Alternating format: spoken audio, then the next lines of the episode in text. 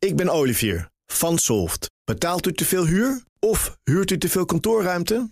Solft heeft de oplossing. Van werkplekadvies, huuronderhandeling tot de verbouwing. Wij ontzorgen u. Kijk voor al onze diensten op soft.nl. Dit was de week waarin in de politiek alle emoties opvlamden die volgen op een kabinetsval. Nu worden de kaarten geschud voor het post-Rutte-tijdperk. Welke ontwikkelingen zullen daar hun stempel op drukken en wie gaat de karren trekken van de verschillende politieke partijen? Politiek verslaggevers Ulko Jonker, Cor de Hoorde, Martine Wolzak en Lien van der Leij tikken deze weken hun vingers blauw. Zij hielden en houden de ontwikkelingen bij en proberen te reflecteren op de gebeurtenissen. Mijn naam is Elfanie Toulaar en dit is De Week Voorbij, de weekendpodcast van het FD.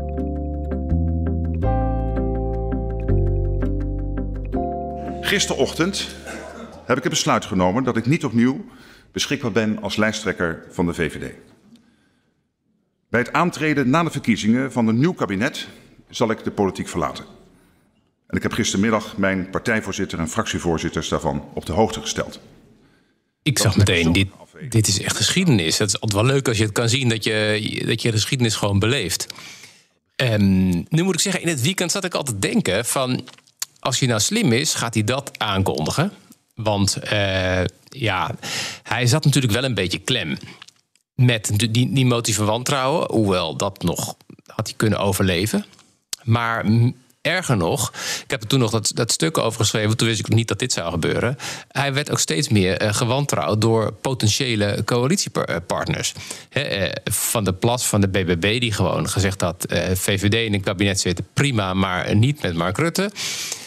De PvdA die als soortgelijke geluid had laten horen. Het, het, het, lijstje partijen met wie je nog zaken kon doen met, met Rutte was gewoon te klein aan het worden die man had op een gegeven moment gewoon meer geschiedenis dan toekomst. En dat, dat, dat kleefde er gewoon aan alle kanten aan. Voor collega Cor de Hoorde, die voor het FD onder andere de VVD volgt, kwam het vertrekken van Rutte dus wel plotseling, maar niet onverwacht. Dylan Jezilgus, demissionair minister voor Justitie en Veiligheid, stond op om hem op te volgen als VVD-leider. Een bijzonder figuur. Um, ze uh, is iemand die in ieder geval anders dan, dan Rutte eh, de, de camera's weet te vinden en, uh, en die ook graag thuis uitnodigt. Ja, van Rutte wist je alleen sporadisch wat dingen die hij die, die, die, leuk vond. ja. Uh, iemand zei ooit een keertje: het schijnt dat hij goed piano kan spelen. Nou ja, en weet je, dat soort dingen komen dan als druppelsgewijs binnen. Nou, uh, als Jetsogus uh, eh, goed piano had kunnen spelen, dan hadden we dat al twintig keer gehoord en, en, gezien. En nee, dan. nou, maar we weten haar alles. ze heeft een hond. Ze, ze, woont in Amsterdam met een man. en, en, we weten ook precies hoe de bruiloft gegaan is. Alles en alles en alles. Ze is iemand die de camera's niet schuwt. Maar eh, niet alleen eh, die camera's in het privéleven, maar ze, is ook een hele goede debater. Zij kan spreken, zij kan overtuigen. En zij is ook niet bang om als ze aangevallen worden, nog wel meteen weer terug te bijten. En dat is wel wat je nodig hebt in zo'n verkiezingscampagne. Ja, hoe wordt er binnen de VVD naar haar gekeken? En nou, precies zoals ik het nu zeg. En, uh, ze is, ze is de, de scherpe vrouw, dus een scherpe kandidaat. En de grap is natuurlijk wel, zo op het allereerste gezicht van een grote afstand, zeg je: dit is geen typische VVD-kandidaat. A, ze is vrouw, dat hebben ze, dat, en, en B, ze is um, ja, een, vluchteling. Ze, ze, ze, komt uit Turkije en ze is in, ik geloof, 1984 hierheen gevlucht als achtjarig meisje. Maar eh, dat is eh, een beetje voorbij het, echte liberale karakter van de, van de VVD. Eh, het laat namelijk ook zien van wie je ook bent, waar je ook vandaan komt. Je kan overal terechtkomen. En zij is natuurlijk bij uitstek de persoon die het eigenlijk het traditionele geluid van de VVD kan vertolken en dat geloofwaardig kan doen. Namelijk, we moeten niet uh, allerlei steunprogramma's gaan opzetten voor, uh, voor mensen met een migratieachtergrond. Uh, en, en die mensen doodknuffelen. Nee, die mensen die hebben in Nederland gewoon alle kansen. En als we die gewoon allemaal grijpen, dan komt het vanzelf goed. Zie onze eigen partijleider. Dus zij, zij is de belichaming van dat VVD-ideaal. Hoe verwacht jij dat zij zich als leider zal manifesteren? Zal ze dit daarin ook cultiveren? Hm, tot nu toe heeft ze het niet gedaan. Ze heeft niet. Uh, kijk, mensen vragen natuurlijk naar haar, en, en daar vertelt ze ook uitgebreid over de, over de, de vlucht en over de, de ja, ze vluchten met Louis Vuitton-tas. Um, je denkt dat is een typische liberale manier, eh, een VVD-manier om, uh, land te ontvluchten. Maar, um, uh, dus dat soort details weten we ook allemaal. Maar de, de keer dat ik haar heb zien optreden, heeft ze daar nooit aan gerefereerd. Van ik ben zelf vluchteling geweest, dus ik weet het. Ze hoeft het ook niet te vertellen. Want ze staat daar met die achternaam. dus iedereen weet het van hey, dit is niet, dit is niet een een of andere. Uh, Nee, precies. Die, want dan kun je zeggen, ja, maar ja, eh, het is makkelijk, het makkelijk eh, praten hè, eh, met zo'n achtergrond. Nee, ze komt niet uit, uit Wassenaar met zes generaties Wassenaar. Nee, zij is iemand die het van onderaf zelf heeft opgebouwd. Een beetje het ideaalbeeld van, de VVD. Ik weet niet hoe vaak dit soort, dit soort dingen in, in werkelijkheid voorkomt, maar het is op zijn minst één keer voorgekomen, namelijk bij Dylan Jezelgus haar lijsttrekkerschap, wat, wat zal dat betekenen voor het succes van de VVD bij de komende verkiezingen? Um, nou, met deze kandidaat hebben ze in ieder geval uh, frisse nieuwe kans omdat het, ja, het merk Rutte, uh, zoals uh, het, het Financieel Dagblad het zelf omschreven heeft, uh, dat is een beetje sleets geworden. En nu hebben ze een nieuwe kans. Uh, ja, de, het is nog veel te vroeg. De peilingen zijn nog veel te onbetrouwbaar om er verder iets over te zeggen. Maar uh, mijn persoonlijke indruk is dat ze met haar in ieder geval een, een betere kans hebben dan met een aantal andere namen die genoemd werden, zoals Sophie Hermans. ja, die ja, prima persoon, maar net niet scherp genoeg voor die debatten die, die echt aan moet kunnen. En dus ik denk dat zij echt nu wel nieuwe, uh, de VVD nieuwe kansen uh, geeft. Uh, tegelijkertijd, ja, het automatisme dat wie de VVD-leider is ook de premier wordt, dat automatisme is er niet meer is er niet meer sinds afgelopen maart. Want ja, die, die provinciale statenverkiezingen, die, die uitslag was natuurlijk nogal schokkend als je het op je in laat werken. De, de grootste partij van het land was een, een boerenprotestbeweging. Dan, de tweede, dan denk je, nou, dat is de VVD tweede. Nope. De tweede is die fusiepartij, van, ja, mag ik het zo noemen, van GroenLinks en PvdA. En dan pas op de derde plaats komt de VVD. En dan kun je er allerlei uh, relativeringen bij maken. Het, het waren maar provincieverkiezingen. Juist bij provincieverkiezingen uh, veroorloven mensen zich wel eens een, rare stem. Terwijl ze bij de Tweede Kamer vaak iets constructiever zijn. Um, allemaal waar, allemaal waar. Maar eh, toch, hè, dit is de enige echte peiling. Want al die andere peilingen zijn opiniepeilingen met, eh, met, met, eh, met panels en alles. Maar dit was een echte verkiezing. Met andere woorden, de VVD staat niet meer automatisch bovenaan. Uh, en als de VVD dus niet meer groot dan, weet je, dan is het gewoon heel spannend wie de nieuwe premier gaat worden. Wie wordt de nieuwe grootste? Dat is de vraag. De provinciale statenverkiezingen lieten daar geen twijfel over bestaan. De boer-burgerbeweging van Caroline van der Plas behaalde een monsterzege die politiek commentator Ulko Jonker gefascineerd volgde. Maar zal de partij die populariteit vast weten te houden? Ja, als je me dat uh, twee weken geleden had gevraagd, had ik gezegd van ja, het is wel een, een, een partij dat is here to stay. Um, maar toen was dat, die, die hele configuratie in Den Haag, die was verder nog ongewijzigd. We hadden van de Plas gekregen en de BBB als nieuwe factor, hè, zowel in de Eerste Kamer als in de provincies. En hij ontbrak eigenlijk nog in de Tweede Kamer. Dus als je op dat moment zei van nou, als er nou over een jaar verkiezingen zijn, is BBB er dan nog? Ja, dan zou BBB er nog zijn. En ik denk dat hij er nu ook, uh, dat hij nu ook uh, uh, blijft. Maar de kaarten worden echt op dit moment behoorlijk geschud. Hè? Ik bedoel, het is, het is niet alleen zo dat de aas eruit is, zeg maar Mark Rutte. Maar um, het is ook zo dat uh, het CDA op zoek moet naar een uh, nieuwe leider. Um, PvdA en GroenLinks moeten een nieuw gezicht hebben. Of het vertrouwde gezicht van misschien wel uh, Jesse Klaver. Maar dat is alweer oude politiek. Dus je, ziet ook bij de VVD nu met ja, toch de frontrunner Dylan Jezilgus. Zie je dat er een, dat er een nieuwe generatie, een nieuw gezicht. maar ook ja, wat dat betreft een, een hele andere dynamiek kan ontstaan in, uh, in, in, in de politiek en, en ook in de wervingskracht van, van politieke partijen. En in dat veld zal BBB met meer moeten komen dan alleen maar uh, Caroline van der Plas als die aardige mevrouw die het, die het allemaal zo nuchter weet te verwoorden. Ze is niet meer de enige frisse wind. Ze is niet meer de enige frisse wind. En het gaat ergens over, denk ik, de komende tijd. Dat is natuurlijk ook iets wat. Uh, en dat gaat niet alleen over stikstof. En als je kijkt naar hoe is, hoe is BBB groot geworden, dan is dat op de golven van die onvrede die er, uh, die er was bij boeren. Die, die golven die, die, die, die spraken ook anderen aan, die ook al langer uh, onvrede hebben over wat er in Den Haag gebeurt. Um, maar die onvrede kan ook gekanaliseerd worden op andere manieren, ook door het traditionele middenveld, zoals het dan heet als daar, uh, als daar een frisse wind gaat waaien. En die frisse wind waait dus nu. Dat ziet ook Lien van der Leij. Zij vertrok net voor het einde van het parlementaire jaar uit Den Haag om vanaf de redactie in Amsterdam over de arbeidsmarkt te gaan schrijven. Maar nood breekt wet. Afgelopen week werd zij met spoed teruggeroepen naar Den Haag. We hadden ook wel weddenschappen van uh, haalt, dit, uh, haalt dit kabinet eindrit. Uh, maar hoe het nu gebeurd is, dat heeft ons toch wel verrast. En dus een nieuwe focus van Lien op Den Haag. Daar volgde zij het afgelopen jaar de samenwerking op links. Zij zag hoe de PvdA en GroenLinks elkaar steeds nadrukkelijker opzochten. Bijvoorbeeld tijdens hun partijcongressen in februari. De locatie was hetzelfde, het tijdstip ook en rond borreltijd kwamen ze samen. Daar uh, stemden beide achterbannen over eenzelfde motie. En die motie was van we gaan een ledenreferendum houden uh, voor een gecombineerde lijst voor de Tweede Kamerverkiezingen. En die komen nu toch eerder dan verwacht. Dus dat referendum loopt nog.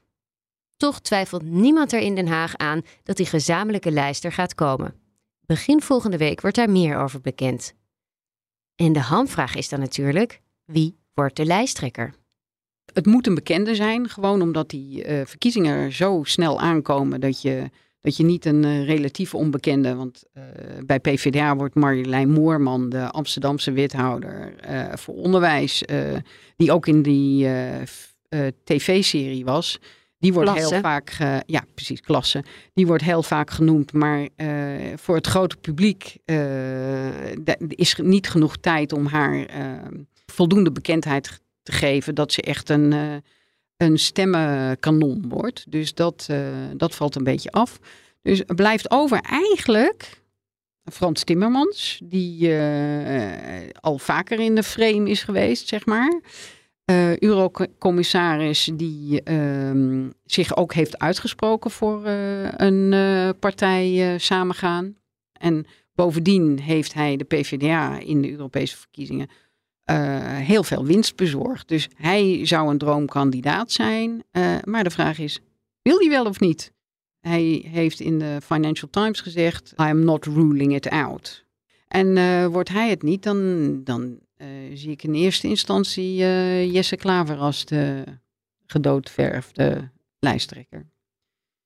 Artje Kuikens zit er net iets te kort bij. Ook het CDA aast op de kiezer en hoopt vooral die kiezers terug te vinden die zo hard zijn weggelopen toen Pieter Omtzigt twee jaar geleden het CDA de rug toekeerde. Wopke Hoekstra kondigde niet onverwacht zijn vertrek aan en de partij heeft een vacature voor een lijsttrekker geplaatst.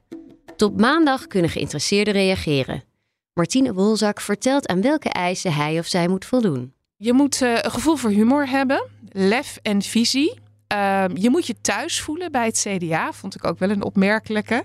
Uh, je moet lid zijn van de partij. Uh, ja, lijkt me een basisvoorwaarde. Ehm, een goed geheugen stond ook op het lijstje. Vond ik ook wel grappig. Eh, en ja, ze zoeken iemand die een verbinder kan zijn. Dat is natuurlijk wel heel typisch CDA. De partij wil zich nog steeds heel graag profileren als middenpartij. Uh, en ik wil niet keihard kiezen tussen stad of platteland. Ja, de kiezers wonen namelijk toch vaak meer in stedelijke gebieden dan op het platteland. Uh, maar wil ook, ja, wil ook het platteland niet van zich vervreemden. En heeft natuurlijk ook gezien dat de BBB een enorm succes gehaald heeft bij de provinciale statenverkiezingen. Door juist wel heel erg hè, zich te associëren met de boerenbeweging in Nederland. Uh, dus die, ze proberen dat een beetje. Uh, daardoor kan het dreigt het ook een beetje vlees nog vis te worden. Hmm. Uh, maar er komt ook een aparte commissie voor het verkiezingsprogramma. Dat moet nu ook bij alle partijen. Moeten heel snel nieuwe verkiezingsprogramma's gaan maken. En ik denk dat die club ook nog wel een aardige dobber krijgt om al die verhalen die binnen het CDA leven. Loopt nog, ja, ze noemen zich nog steeds een brede volkspartij. Nou, dat zijn ze niet in, in gepeild zetelaantal. Dat is maar vijf tot negen zetels. Maar ze zijn het wel in het aantal meningen binnen de partij. Dus dat kan nog best lastig voor ze gaan worden. Ja, en alle prominenten die je misschien op zou kunnen lepelen als potentiële lijsttrekkers, die hebben ervoor bedankt. Ja, de, de, veel wel. Hugo de Jonge heeft gezegd van, uh, dat het voor hem uh, uh, niks is. Dus die gaat het niet nog een keer proberen. Ehm, datzelfde geldt voor Hanke Bruin Slot. Mona Keizer heeft gezegd: ik ga dit niet, ik ga me niet nog een keer eraan wagen je hoort vaak dat de nieuwe generatie het moet doen. Dat heeft Pieter Heerma, de fractievoorzitter, gezegd. Die overigens ook weggaat. En dat is trouwens ook nog wel een. Uh, in dat hele profiel voor de nieuwe lijsttrekker staat ook heel nadrukkelijk. Dat moet de nieuwe fractievoorzitter worden. Dus niet nog een keer een partijleider die tegelijkertijd in het kabinet zit, zoals Wopke Hoekstra zat, als minister van Buitenlandse Zaken. Daar werd heel veel over geklaagd. Ja, afgelopen jaar was stikstof was natuurlijk het dossier waar veel spanning op was. Maar ja, dan uh, zat Hoekstra weer bij een NAVO-top. En er werd echt wel van hem verweten dat hij te weinig het land in was en te weinig gevoel met de partij had. Dus dit keer moet de nieuwe lijsttrekker moet ook fractievoorzitter worden. Heb je al enig idee uh, wie aan dit eisenlijstje kan gaan voldoen? Ik uh, denk dat er geen partij is waarbij het zo open ligt als bij het CDA wie het zou kunnen gaan worden. Er is inderdaad niet één duidelijk, heel herkenbaar gezicht wat zich nu in uh, alle lijstjes opdringt. Staatssecretaris Van Rij wordt nog steeds wel genoemd. Maar het is niet echt de nieuwe generatie. Die gaat al meer dan twintig jaar mee binnen het CDA. Is ook al twee keer partijvoorzitter geweest. Lijkt mij daardoor niet voor de hand liggend. Er zijn een aantal Kamerleden. Dirk Boswijk wordt natuurlijk vaak genoemd. Die het landbouwdossier gedaan heeft de afgelopen tijd. Uh, maar die heeft nog niet besloten of hij opnieuw verkiesbaar is. En ook hij heeft behoorlijk wat voor zijn kiezen gekregen. Ook qua intimidatie en bedreigingen. Um, dus of hij nou staat te popelen, nou, dat gaan we merken. Uh, Henry Bontebal wordt nog wel genoemd. Allebei komen ze wel een beetje uit de Randstad. En binnen het CDA zijn er ook wel mensen die zeggen: ja, ga dan voor een kandidaat uit de regio. Dus pak iemand uit de provincies. Maar dat zijn minder bekende namen. Over die uh, intimidatie gesproken, Sigrid Kaag, uh, als we dit opnemen, is net bekend eigenlijk dat uh, ze niet doorgaat. Verrast jou dat? Nee, het verrast niet. Um, zij liet het afgelopen jaar al best wel regelmatig doorschemeren dat het echt wel ja, een hele hoge prijs vroeg van haarzelf. en ook van haar gezin. Nou, er is natuurlijk het beruchte of beroemde fragment uit College Tour, waarin haar dochters zeiden van mam, uh, wij, vinden, wij zijn echt bang dat jou wat overkomt. Zoals Els Borst, de vorige, uh, vorige partijleider van D66, die nadat zij al vertrokken was, is vermoord. Dus nee, in die zin verrast het niet. Nog even terug naar Ilko. Want voordat het stof is neergedaald en het voeren van beleid op alle terreinen weer door kan gaan, hebben we eerst verkiezingen nodig. De campagne in aanloop daarnaartoe zal er heel anders uitzien dan we inmiddels zo gewend waren. Afgelopen jaren, afgelopen eigenlijk al 13 jaar, um, ging die campagne vooral over de vraag wie komt er in het torentje, wie weet wie kan Mark Rutte verslaan. Nu moet er een andere strijd worden gevoerd. En als je kijkt naar waarom dit kabinet is gevallen, en je kijkt ook naar andere problemen waar ze mee te maken hadden en die er volgens mij toe hebben bijgedragen dat er een klimaat ontstond waarin dit kabinet bijna onafwendbaar wel moest vallen.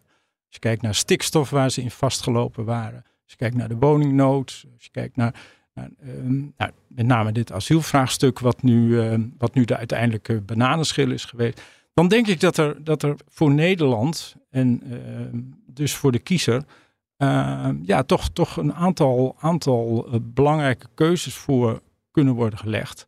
Uh, en, en het is aan de politieke partij om daar de komende weken, zeker maanden, een, uh, een programma aan te bieden waarin die keuze wordt, ook daadwerkelijk wordt, wordt voorgelegd. En dat, dat, maakt het, dat maakt het denk ik anders dan bij eerdere verkiezingscampagnes waarin het eigenlijk voor of tegen Mark Rutte ging.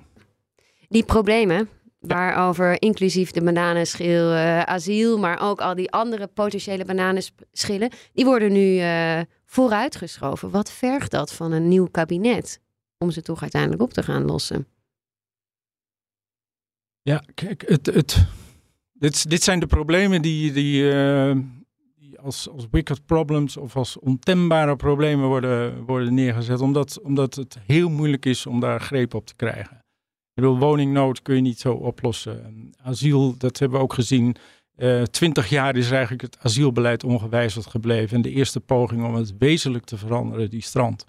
Uh, stikstof, nou, we kijken al twee jaar naar een, eh, een crisis in slow motion, die, uh, die zich eigenlijk over, over alle activiteiten in Nederland begint uit te strekken. Dus, dus dat zijn problemen die, die je niet met een pennenstreek en ook niet met een regeerakkoord oplost.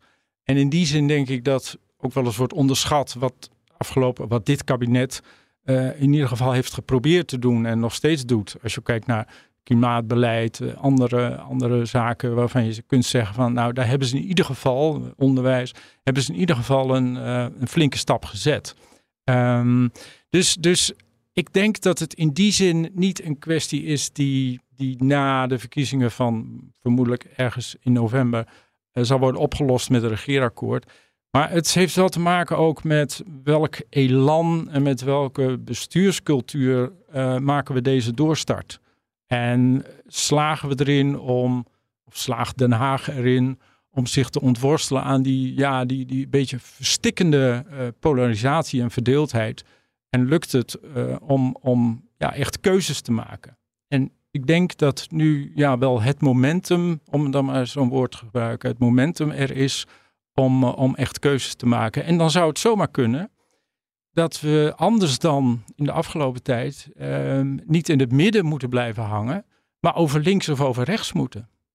En ook dat is een keuze die eh, links en rechts zijn ouderwetse begrippen hoor, maar ja, willen we houden wat we hebben of willen we de sprong wagen naar een, uh, naar een andere toekomst waarin, ja, waarin we bepaalde zekerheden op het spel zetten?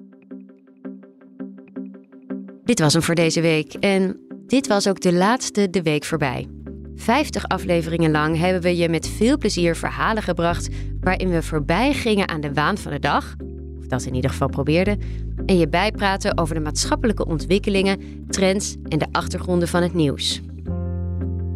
De podcastredactie gaat gewoon door, dus het zal niet stil blijven. Zo kun je vanaf volgende week de interviewreeks Hoe blijft Nederland geld verdienen beluisteren. Hierin gaan collega's Bert van Dijk en Pieter Kouwenberg op zoek naar een nieuw verdienmodel voor ons land. Wil je hier meer over weten of gewoon reageren? Dat kan natuurlijk. Ik ben te vinden op Twitter, Elfanie, en je kunt ook altijd mailen naar podcast.fd.nl. Heel veel dank aan alle gasten en collega's die het afgelopen jaar meewerkten aan de week voorbij. En vooral heel veel dank aan Yildo Bijboer, het creatieve brein en de drijvende kracht achter deze podcast. Voor nu Dankjewel voor het luisteren. Een heel fijn weekend en een mooie zomer gewenst. En graag tot snel. In een andere vorm, maar wel in jouw favoriete podcast-app.